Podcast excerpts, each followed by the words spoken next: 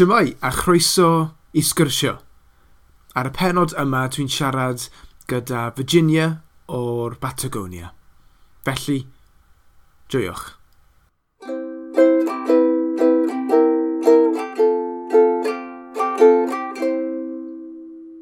Helo a chroeso i sgyrsio a heddiw dwi'n yma gyda Virginia. Siamai Virginia? Siamai. Sut oed ti heddi? Dwi'n iawn, diolch. Ie? Yeah. Ti? Ie, yeah, dwi'n good, diolch. A ble o'i ti yn y byd a hyn y bryd? Wel, dwi'n byw yn Trelew, yn Patagonia, yr er Ariannin. Dwi wedi clywed llawer am Patagonia, ond ie, yeah, dwi ddim wedi bod i Patagonia. Dwi wedi weld y ffilm, actually, Patagonia. Nes ti weld e? Ydy. Nes ti mwynhau y ffilm? Do, do. Roedd yn, yn, yn rhefydd achos efallai ro'n i'n disgwyl fel fwy o o golwg o'r ariannu'n fel golwg sy'n fwy e, realistig na, mm. na beth nath nhw ddangos, ond mae'n iawn, mae hynny'n digwydd, feddwl i. Ie, yeah, cant o cant. Mae'n diddorol iawn a yeah, eitha ryfedd. Iawn, pam wyt ti'n dysgu Cymraeg? Wel, ti wedi dechrau dysgu Cymraeg achos ro'n i'n mynd i capel Cymraeg, nes i ddechrau mynd i gabel Gymreig pan ro'n i'n 8 oed. Ac ar ôl tipyn bach fel ar ôl llai o blynyddoedd, ddechreuais i ddysgu Gymraeg mewn dosbarth. E, yn y cabel ro'n i'n gallu glywed yr iaith mewn caneuon neu mewn sgwrs hefyd. E, roedd bobl yn hen bobl neu bobl fel canoloed yn, yn siarad Gymraeg yn rhugl iawn. Fel, ar ôl i roedfa a, mm. a, ac hefyd roedd um, llawer o bethau yn cael ei ddweud yn, yn Gymraeg hefyd. Felly nes i ddechrau fel agosi at yr iaith. Ond ar ôl dechrau ddysgu Gymraeg, ar ôl flwyddyn, dwi'n meddwl dechreuais i fel teimlo rhywbeth fel teimlo fel rhyw gariad at yr iaith neu rhyw, dwi'n gwybod sydd i, i galw, ond e, ro'n i'n ymddiddordeb llawer at yr iaith. Felly, mm.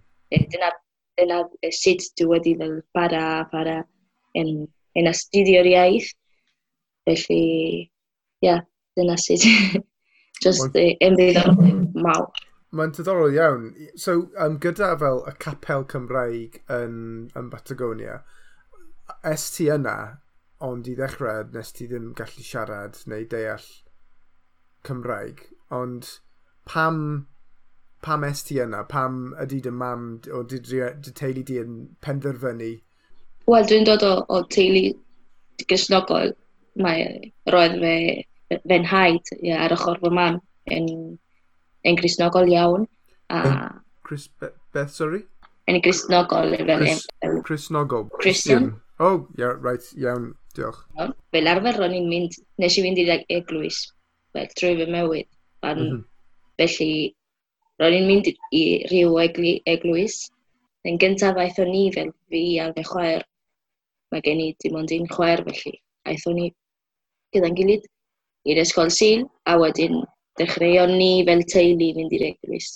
Ond roedd e, e, e capel Gymraeg yn dal yn Sbaenig. Oh, iawn. Yeah.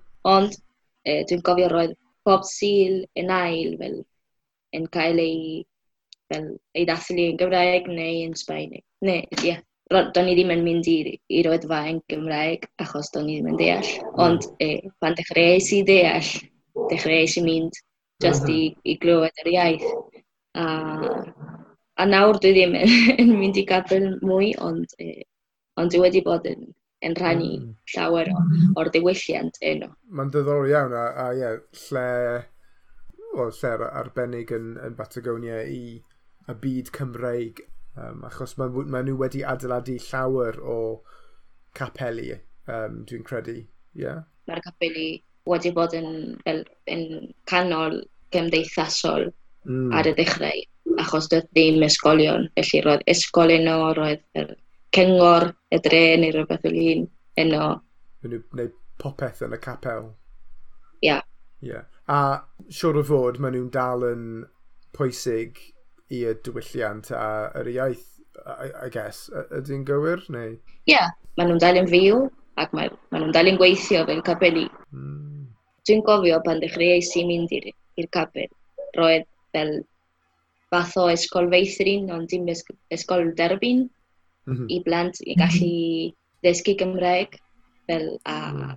plant mm. bod dau, dwy oed, tair neu mm. bedair oed yn mynd yno. Felly roedd llawer o bosteri yn Cymreig mm. a roedden nhw'n cefnogi llawer y, y dosbarthiadau Gymreig. Cyn hynny, nes ti gwybod lot o like, am Cymreig a y diwylliant neu, neu ddim? Siwr o fod, roedd ti'n eitha ifanc anyway, ie? Yeah? Pa, pa oedran? Ro'n i'n wyth, ond dwi'n gofio roedd ar yr un bryd roedd, roedden ni'n astudio yn yr ysgol eh, mm. en Cymru, yn yr ariannu, fel fel yeah. e, gwyl y glaniad a bethau fel hyn, yr hanes. Yeah. Felly, ond dydy llawer o bobl ddim yn gwybod am, am y hanes, mm. achos mae'r dinas wedi, tewyd, e, wedi tefu llawer. Ie, yeah, ie. Yeah. O, oh, yr un, yr un peth yng Nghymru, does dim e es i ysgol yng Nghas Newydd a does dim lot o bobl yn gwybod am am Patagonia um, a yr cys cysylltu? Connection? Gysylltiad. Ie, yeah, y cysylltiad, ie. Yeah. So, dysgais i am Patagonia pan o'n i'n fel 16 oed, dwi'n credu. Ond just achos oedd diddordeb gyda fi am hanes Cymru. Um, a o'n i'n uh, syni, o'n i'n sioct i, um, i, i, i glywed, really. Ie, yeah, ond mae'n diddorol iawn. Uh, so, dwedais ti, es, es i'r capeli gyda dy chwaer di hefyd. Ydy, ydy hi'n dysgu bach o Cymraeg hefyd, neu dim ond ti? Ie, yeah, mae hi wedi dechrau gyda fi, da ni wedi dechrau gyda'n gilydd. Mm -hmm. Felly, dwi'n meddwl asuriodd hi tua fel bedair mlynedd neu rhywbeth. Mm -hmm. A wedyn, stopiodd hi, felly nawr mae hi'n gallu deall llawer, ond dim ddim siarad llawer felly. Yeah. E, oh, yeah. Ond, yeah. What a teg, mae'n still really dda. A, achos ST i gair dydd i astudio hefyd, ia? Yeah? Ar ôl gorffen e, ysgol uwchradd, nes i droi yn 18 a ro'n i'n gallu derbyn yr esgol o'r iaith. A ro'n i'n gallu, felly, achos hynny nes i ymgeisio ar, ar e, esgol o'r iaith. Sorry, beth ydy ymgeisio? Um, apply, apply. Ah, okay, cool. To a scholarship. Fab, am, amgeisio, diolch. e, yn 2012 es i i, i Gymru, i Gardydd, a bues i am Davies yno, yn mm. astudio'r iaith. A wedyn, roedd gen i ffrindiau e, yr un oedran a fi yn y gogledd, felly maen ma nhw wedi gwahodd fi aros yno, felly nes i, nes i aros am fus arall Felly, ges i'r gyfle i, i ymarfer yn rhugl yr iaith. Mm. Achos pan ro'n i yng Ngherddid, ro'n i'n swydd iawn, ro'n i'n 18, roedd y tro gyntaf i fi fod fel tramor ar ben fy hun. Felly, do'n i ddim yn fel gymdeithas i llawer. Ro'n i'n aros efo bobl e, o Gymru, fel Gymru Gymreig, Gymraeg, sorry. Roedden nhw'n gwrdd â'i ffrindiau, roedden nhw'n tua 30 oed ond roedd pobl, ma, pobl fel oedolion i fi, mm. achos ro'n i'n... A, ie, yeah, ro'n i'n rhannu drwy'r iaith, ond fe ddim yr un peth a wnes wedi'n gesi'r gyfle yn y gogledd i i rhannu fel pobl e-, yr un oedran a fi. Um, a ble es ti yn y, yn y gogledd? Wel, es i fel, fel wythnos y pob man fi es i yn Carnarfon, fel yn agos i Carnarfon, a wedyn fi es i yn Dimbych, Mm -hmm. Hefyd. Mm -hmm. Ac ar y diwedd bys i agos i prestatin. 18 oed? 18. Waw, y tro cyntaf teithio tu fas o Ariannin? Ie, yeah, rannu'n 18 ar y tro cyntaf i fi fel hedfan, fel fflio e, hefyd. Mm -hmm yn mynd i'r maes awyr, a roedd hyn yn profiad mawr. Ar dy ben dy hunan hefyd? Ydy, yeah. ar ben fy hun. Ie, so nes ti, nes ti nabod yn barod y pobl ro ti'n aros gyda? Ie, yeah. yeah, yeah. Achos roedden nhw fod wedi weithio yn Patagonia blynyddoedd, yn ôl mm. blynyddoedd cyn hynny. Do'n i ddim yn, yn nabod yn, yn dda iawn, ond eh, yeah, dal... Um, oh god, so'n gwybod sut i uh, wyneb cyfeillgar, a friendly face. Yeah. Yeah, yeah. Mae'n ma, ma really cool. What a teg. Naw, gai ofyn, sori, pa oedran o'i ti nawr? 26. 26, oce. okay. A so nawr ti'n nôl yn, Matago nôl yn Patagonia. Oes cyfle i ti i, i ymarfer neu, neu siarad Cymraeg yn, yn Trelew? Wel oes, achos e, ar ôl hynny nes i ddechrau pan ddes i nôl o Gymru mewn rhan o'r, or, or e, esgoloriaeth ro'n i'n gorfod gweithio neu, neu helpu mewn, mewn esgol neu mewn prosiect Cymraeg. Mm. E, felly dechreuais i ymuno ar e, rhaglen addysg Cymraeg yma. Cool. E, roedd e'n anodd achos do'n i ddim yn edda efo'r blant. Ro'n i'n siwyl iawn. a dechreuais i dysgu Gymraeg fel, fel athrawes, ond bues i dim ond 3 mis yno. Mm. Wedyn dechreuais i helpu mewn esgolion feithrin fel, fel help, fel, ie, yeah, helpwraig, mm -hmm. neu mhm. rhywbeth. A oed, oed ti'n well nawr gyda'r pobl ifanc? Ydw. Felly, ro'n i'n weithio weithiau efo, efo bobl a oedd yn dod o Gymru ac oedd yn, yn angen cymorth efo, efo'r plant fach. Doedden nhw ddim yn siarad Gymraeg, mm. a roedd yr athrawon ddim yn siarad e, Sbaeneg, felly roedd e'n anodd iawn i, i gymdeithasu neu. Ia, felly dechreuais i helpu mewn ysgolion yn Egaiman, a wedyn dechreuais i yma yn Rhelew. A nawr dwi'n gweithio, dwi'n gweithio yn, ysgol, yn yr ysgol er Hendry, sydd yma. Oce, okay, iawn. A beth wyt ti'n neud yn yr ysgol Hendre? Dwi'n gwneud yr un beth fel, fel helpu efo'r gysylltiad i'r athro. Nawr mae'n athro. Bob flwyddyn mae athro neu athrawes yn dod o Gymru i gweithio efo'r plant. Iawn. Yn blwyddyn un a blwyddyn chwech mae'n ysgol genrad.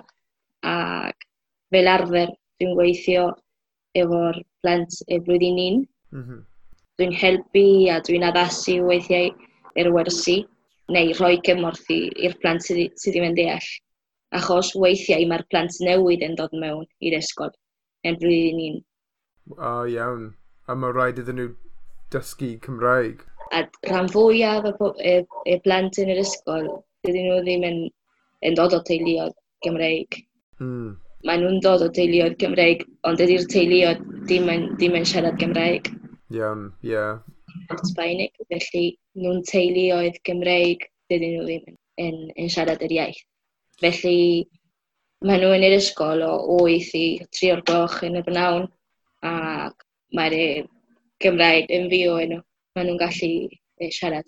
Felly dwi'n siarad yn yr ysgol efo'r athrawon, neu weithiau da ni'n cwrdd allan o'r ysgol.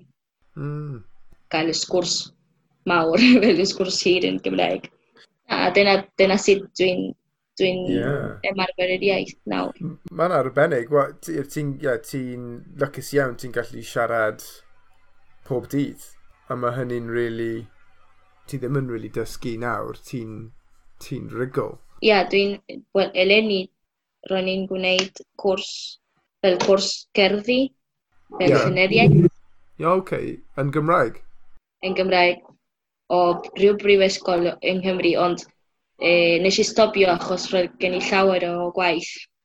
A ro'n hmm. i'n astudio'r e, e, beth diwylliant hefyd, a roedd llawer o bethau. A beth ro'n i'n astudio roedd e, gynghanedd.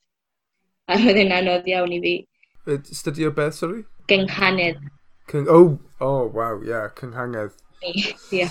Dwi wedi weld cynghangedd, achos dwi'n dwi, ysgrifennu um, barddoniaeth yn Saesneg, a i fi, dwi'n moyn bod creadigol yn, yn Gymraeg, ond mae'n ma, anodd, achos dwi'n teimlo mwy cyffyrddus yn, yn, yn yr iaith gyntaf, siwr o fod, fel llawer o bobl. Ie, yeah, wyt ti wedi sgwennu unrhyw cynghangedd? Wedi, wedi, ond dwi'n yn gwybod ble maen nhw nawr. Oh, wow, cool. Ond e, do'n i ddim yn fel yn digon dda chwaith i, i ffeindio'r geiriau a nes i sylw mae rhaid i fi darllen mwy, fwy e, yn Gymraeg. Mae gen i lyfrau yn Gymraeg yma, dwi'n lwgus, ond e, dwi ddim yn ffeindio'r yr amser. Yeah. Nawr dwi'n darllen llyfrau yn, yn Sbaeneg a... Mae llyfr Cymraeg gyda fi, actually. Ond mae fel llyfr i ddysgwyr. Ie, yeah, nofel, nofel i ddysgwyr. Scoop gan Lewis Arnold. Mae'n iawn, ond dwi'n really hoffi fantasy a pethau fel Lord of the Rings a stuff, ond mae straeon am just, um, sa'n gwybod y gair, like, fel reporter yn y pentre bach, yn just yn diddordeb gyda fi mewn yeah. straeon fel na dwedais ti, ti wedi astudio cynghangedd, ond um, oed ti'n neud unrhyw beth creadigol? Um, you know, ti'n chwarae unrhyw beth neu canu? Wel, dwi'n dwi'n ysgrifennu hefyd yn Sbaeneg. Pa fath o? Fel cerddi weithiau. Nes i sgwennu fel dipyn o storiau fer a nes i sgwennu yn Saesneg hefyd pan ro'n i'n dysgu Saesneg. Weithiau dwi'n ysgrifennu yn, yn Gymraeg, ond dwi ddim yn, yn teimlo'n gyfforddus i, fel, i ddangos neu... Mae'n ma da, ma dal dda i wneud. Mm. Dwi'n hoffi canu, ond dwi ddim yn, yn dda iawn. Um, ro'n i'n, weithiau ro'n i'n gwneud fel e, gyflwyniadau neu hefyd yn yr, yn yr ysteddfodau. Mm. Ydy ysteddfod yn digwydd pob flwyddyn fel yng Nghymru hefyd? Yndi. Oes, um, dwi'n nabod tipyn bach am Ariannin, ond dim llawer. A dwi'n gwybod um, mae fel dawns cenedlaethol chi yw tango. So i'n gwybod os mae, like, os mae pawb yn dysgu you know, um, yn, yn, ysg, yn ysgolion neu just dwi ddim yn gwybod really beth yw, beth sy'n digwydd. Wel, mae, mae tango yn fwy o Buenos Aires. Iawn. Ond mae llawer o fel, lefydd wyt ti'n gallu dysgu tango, dysgu mm -hmm. sut i ddawnsio. A nawr mae'n mae, mae boblogaeth, mae'n dwi'n nabod pobl sydd, sydd wedi mynd i wersi tango. Mm. Oes dawns trydyfiadol yn dy, dyledu you know, Patagonia neu, neu de Argentina. A beth ro'n, beth ro'n i'n dysgu yn yr ysgol oedd yn dawns wedyn o'r ariannin. Iawn. Ond dydy hwn ddim yn dod o, o Chubut, ddim yn dod o'r un o Patagonia, mae'n dod o'r gogledd. A mae'r cerddoriaeth hefyd yn fel cerddoriaeth wedyn. A mm -hmm. mae llawer, like, dwi ddim yn gwybod llawer am am dawns e, traddodiadol o'r arian mm. un, ond mae llawer o, o dawns gwahanol, fel fforddau gwahanol a fel mm. styles gwahanol. Yeah. Dwi wedi bod yn rhan hefyd o'r, or grŵp dawns e, Cymraeg traddodiadol, fel dawns wedyn Cymraeg yn, yn Trelew. Mm -hmm. Felly, e, roedd, roedd grŵp mawr o, o bobl ifanc yn dod hefyd, felly roedd yn, yn lle neis. Doedden nhw ddim yn siarad Gymraeg, doedden ni ddim yn siarad Gymraeg yn y grŵp, ond roedd ffordd i, i gadw'r diwylliant yn, yn fyw. Mm, yeah, I mean, does dim rhaid iddyn nhw i siarad Cymraeg i dawnsio. Sa'n wedi dawnsio um, dysgais i ddim sut i wneud e yn yr ysgolion, achos yn yr ysgolion Saesneg yng Nghas Newydd ydyn nhw'n dysgu ni. So mae'n ma, wastad yn bod rhywbeth diddorol iawn i fi a rhan o'r uh, diwylliant Cymreig dwi ddim yn really gwybod llawer amdano fe, really. Um, Ie, yeah, mae'n ma, ma, ma ddiddorol iawn. So, so, dwi, dwi ofyn achos um, mae'n ma, ma, byd bach, ond dwi'n cofio um, mae ma dyn o Patagonia um, sy'n canwr, um, Rene Griffiths. O oh, ie, yeah. dwi wedi gwrando ei, yeah. ei, ei gerddoriaeth. Oedd yn ddiddorol iawn achos oedd yn um, chwarae mewn ffyrdd, wel dwi ddim yn gwybod o'n, on ffyrdd o Patagonia falle. Um, yeah. Mae'r dyna'r fath o gerddoriaeth draddodiadol i'r ariannin. Mm. Mae o'n cymysgu'r fel steil gerddoriaeth ac yn addio geiriau yn, yn, yn Gymraeg. Mm, mae'n cool, mae'n cool iawn dwi ddim yn siŵr os, os mae'n cwestiwn twp, falle mae yn, ond um, like, dwi, dwi actually, dwi'n hoffi yfed mate, ond ydy rhywbeth mae pob person yn, yn, yn arian yn yfed, o'i ti'n yfed, e? Eh? Yeah? Pob dydd? Dwi'n meddwl mae fel 95 yeah. cant fel percent e, o'r arian yn, yn yfed. Dwi ddim yn efed o'n aml, fel mae pobl, mae pobl yn arfer efed e, pob dydd fel, drwy, e, sorry, drwy'r dydd fel, ers maen nhw'n codi yn y bore, tan ar ôl swper, fel ar ôl cael bwyd yn gyda'r nos. Siwr o fod bydd yn anodd i cysgu ar, e, os ti'n yfed, achos mae llawer o caffeine mewn mate, ie? Yeah? Wel, dim caffein, ond mae fel, fel, fel rhywbeth debyg. Mae'n rhoi yeah. E-, egni, mae'n rhoi energy. Mm. A Um, yndi. Um, just am y pobl sy'n gwrando i uh, podlediad, wyt ti'n gallu esbonio beth yw mate i rhywun sydd ddim wedi weld e neu gwybod amdano fe? Wel, mae mate'n cael ei wneud efo dail o blanhigyn sydd o'r enw mate, sherwa mate a mae'r dail a hefyd e, ddim yn goesyn. Dail yw leaves? Ia, yeah, a yeah. goesyn sydd yn fel y bethau hir o'r blanhigyn. Oesyn? Like the stem? Is it? Ie, yeah, dwi'n meddwl. Yeah. Dwi'n meddwl na bod e. A dan, fan un, dan ni'n neud yn fanna hefyd. Da chi'n brynu, da ni'n brynu fel reserva yn um, archfarchnad. Just fel, just fel prynu te neu coffi. Ie. Yeah. Yeah. Felly, beth da ni, sut da ni'n gwneud ma te, di fel just roi e, fel mewn gwpan arbennig iawn. O like, pren? Neu, neu, neu metal? Neu... Mae'n llawer o, o material fel, fel mm -hmm. gwydyn, mae, mae pren hefyd. A wedyn mae bibill. Ie, yeah, bibill fel... Um, Ti'n gwybod, ti'n golygu stro neu pipe? Ie, yeah, fel pipe. Fel, yeah, fel straw, I guess, ond fel metal, ie? Yeah? Ie, yeah, ie. Ie. Mae'n ddiddorol iawn. Gai ofyn cwestiwn i ti. Um, yeah. Oes, oes hoff gair gyda ti yn Gymraeg? Neu, os ddim, Sbeineg? Oes, mae, dwi'n meddwl mae llawer o geiriau yn Gymraeg dwi'n hoffi. Mm -hmm. Achos y ffordd maen nhw'n swn, maen nhw'n swnio, neu y ffordd maen nhw'n gael ei ysgrifennu hefyd. Fel, wel, dwi'n hoffi hiraeth, mm. mae hiraeth yn gair hefyd, achos y y senwyr hefyd. Ys, y, y beth, sori? senwyr, fel sens. Oh, iawn. Yeah. A wedyn, mwynhau. Dwi'n hoffi sut mae'n mae swnio, mwynhau. Mm. Achos dwi'n meddwl mae fel e, cydbwys yn y gair mwynhau. Cydbwys? Cydbwys fel balance. Ia, yeah, balance. Okay. Yeah. Wedyn, dwi'n bo, dwi'n hoffi fel geiriau sydd efo w llawer. Okay. Gwreiddiau hefyd. Dwi'n hoffi'r gair gwreiddiau gwreiddiau. Beth ydi, beth ydi gwreiddiau? Gwreiddiau, e, roots. Roots. Oh, fel reiddiol hefyd. Like, ble wyt ti'n dod yn reiddiol? Where is your... Yeah. Your root. Iawn. Yeah. yeah.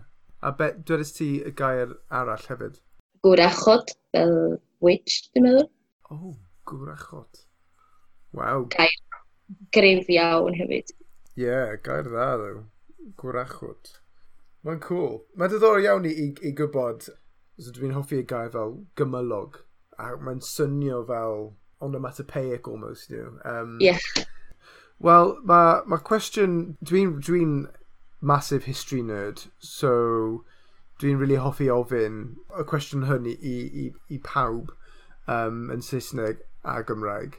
Ond, um, so, mae peiriant amser gyda ti, a ti'n gallu mynd nôl mewn yr amser a ymweld tri llefydd wahanol.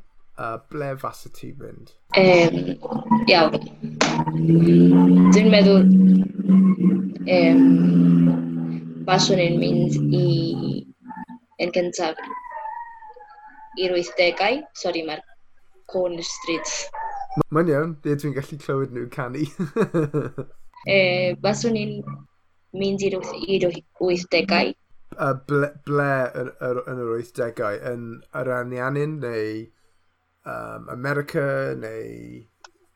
Dwi'n meddwl basai'r er, ariannin yn, yn profiad mawr, achos yr, yr wythdegau dwi'n teimlo roedd yn cwl yn Gogledd America. Mm. Dwi'n hoffi llawer e y gerddoriaeth a y celf yn, yn, yn yr adeg yna. Felly dyna un o'r o'r, or hmm. lefydd o'r amser. Baswn i'n mynd wedyn, baswn i'n hoffi mynd i nôl i'r adeg e, e, wladfa yma. Iawn. Yeah. 1890 neu pan dechreuodd sefydlu popeth. Mm. Yn y dinasoedd. A nes i ymchwilio am, am e, adeilad mae'r Cymru wedi wedi adeiladu yn Rhylew. A mm.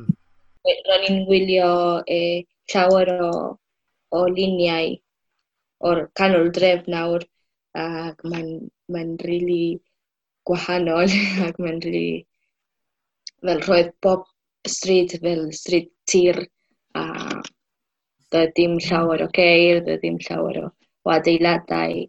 Mm. Os o'n i'n hoffi teithio i'r fel mil naw deg neu yn yr adegau.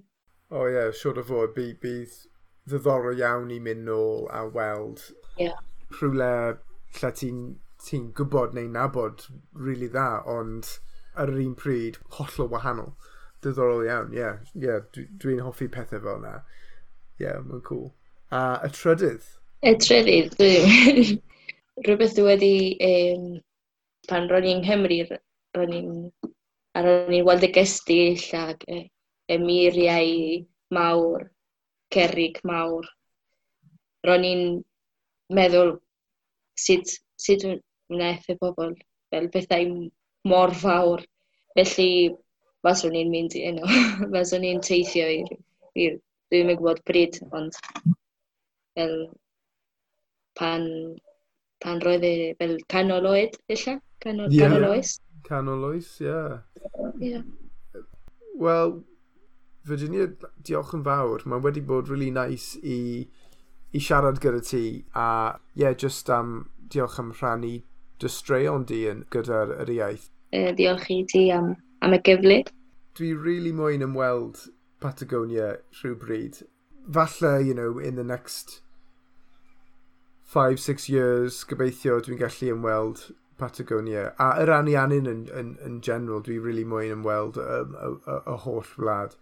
So, iawn, wel, diolch yn fawr iawn, Virginia, a cadw'n saff yn Patagonia gyda'r y virus a popeth, a gobeithio siarad gyda ti rhywbryd eto. Hwyl fawr. Wel, diolch yn fawr. Diolch o gael. Yeah. Dyna. Wel, dyna ni. Diolch yn fawr iawn eto am wrando cofia, ti'n gallu dilyn ni ar Instagram, Twitter, Facebook, a os ti'n mwyn bod ar y podlediad, gad i mi gwybod. Hwyl fawr a cadw'n saff. Dabo.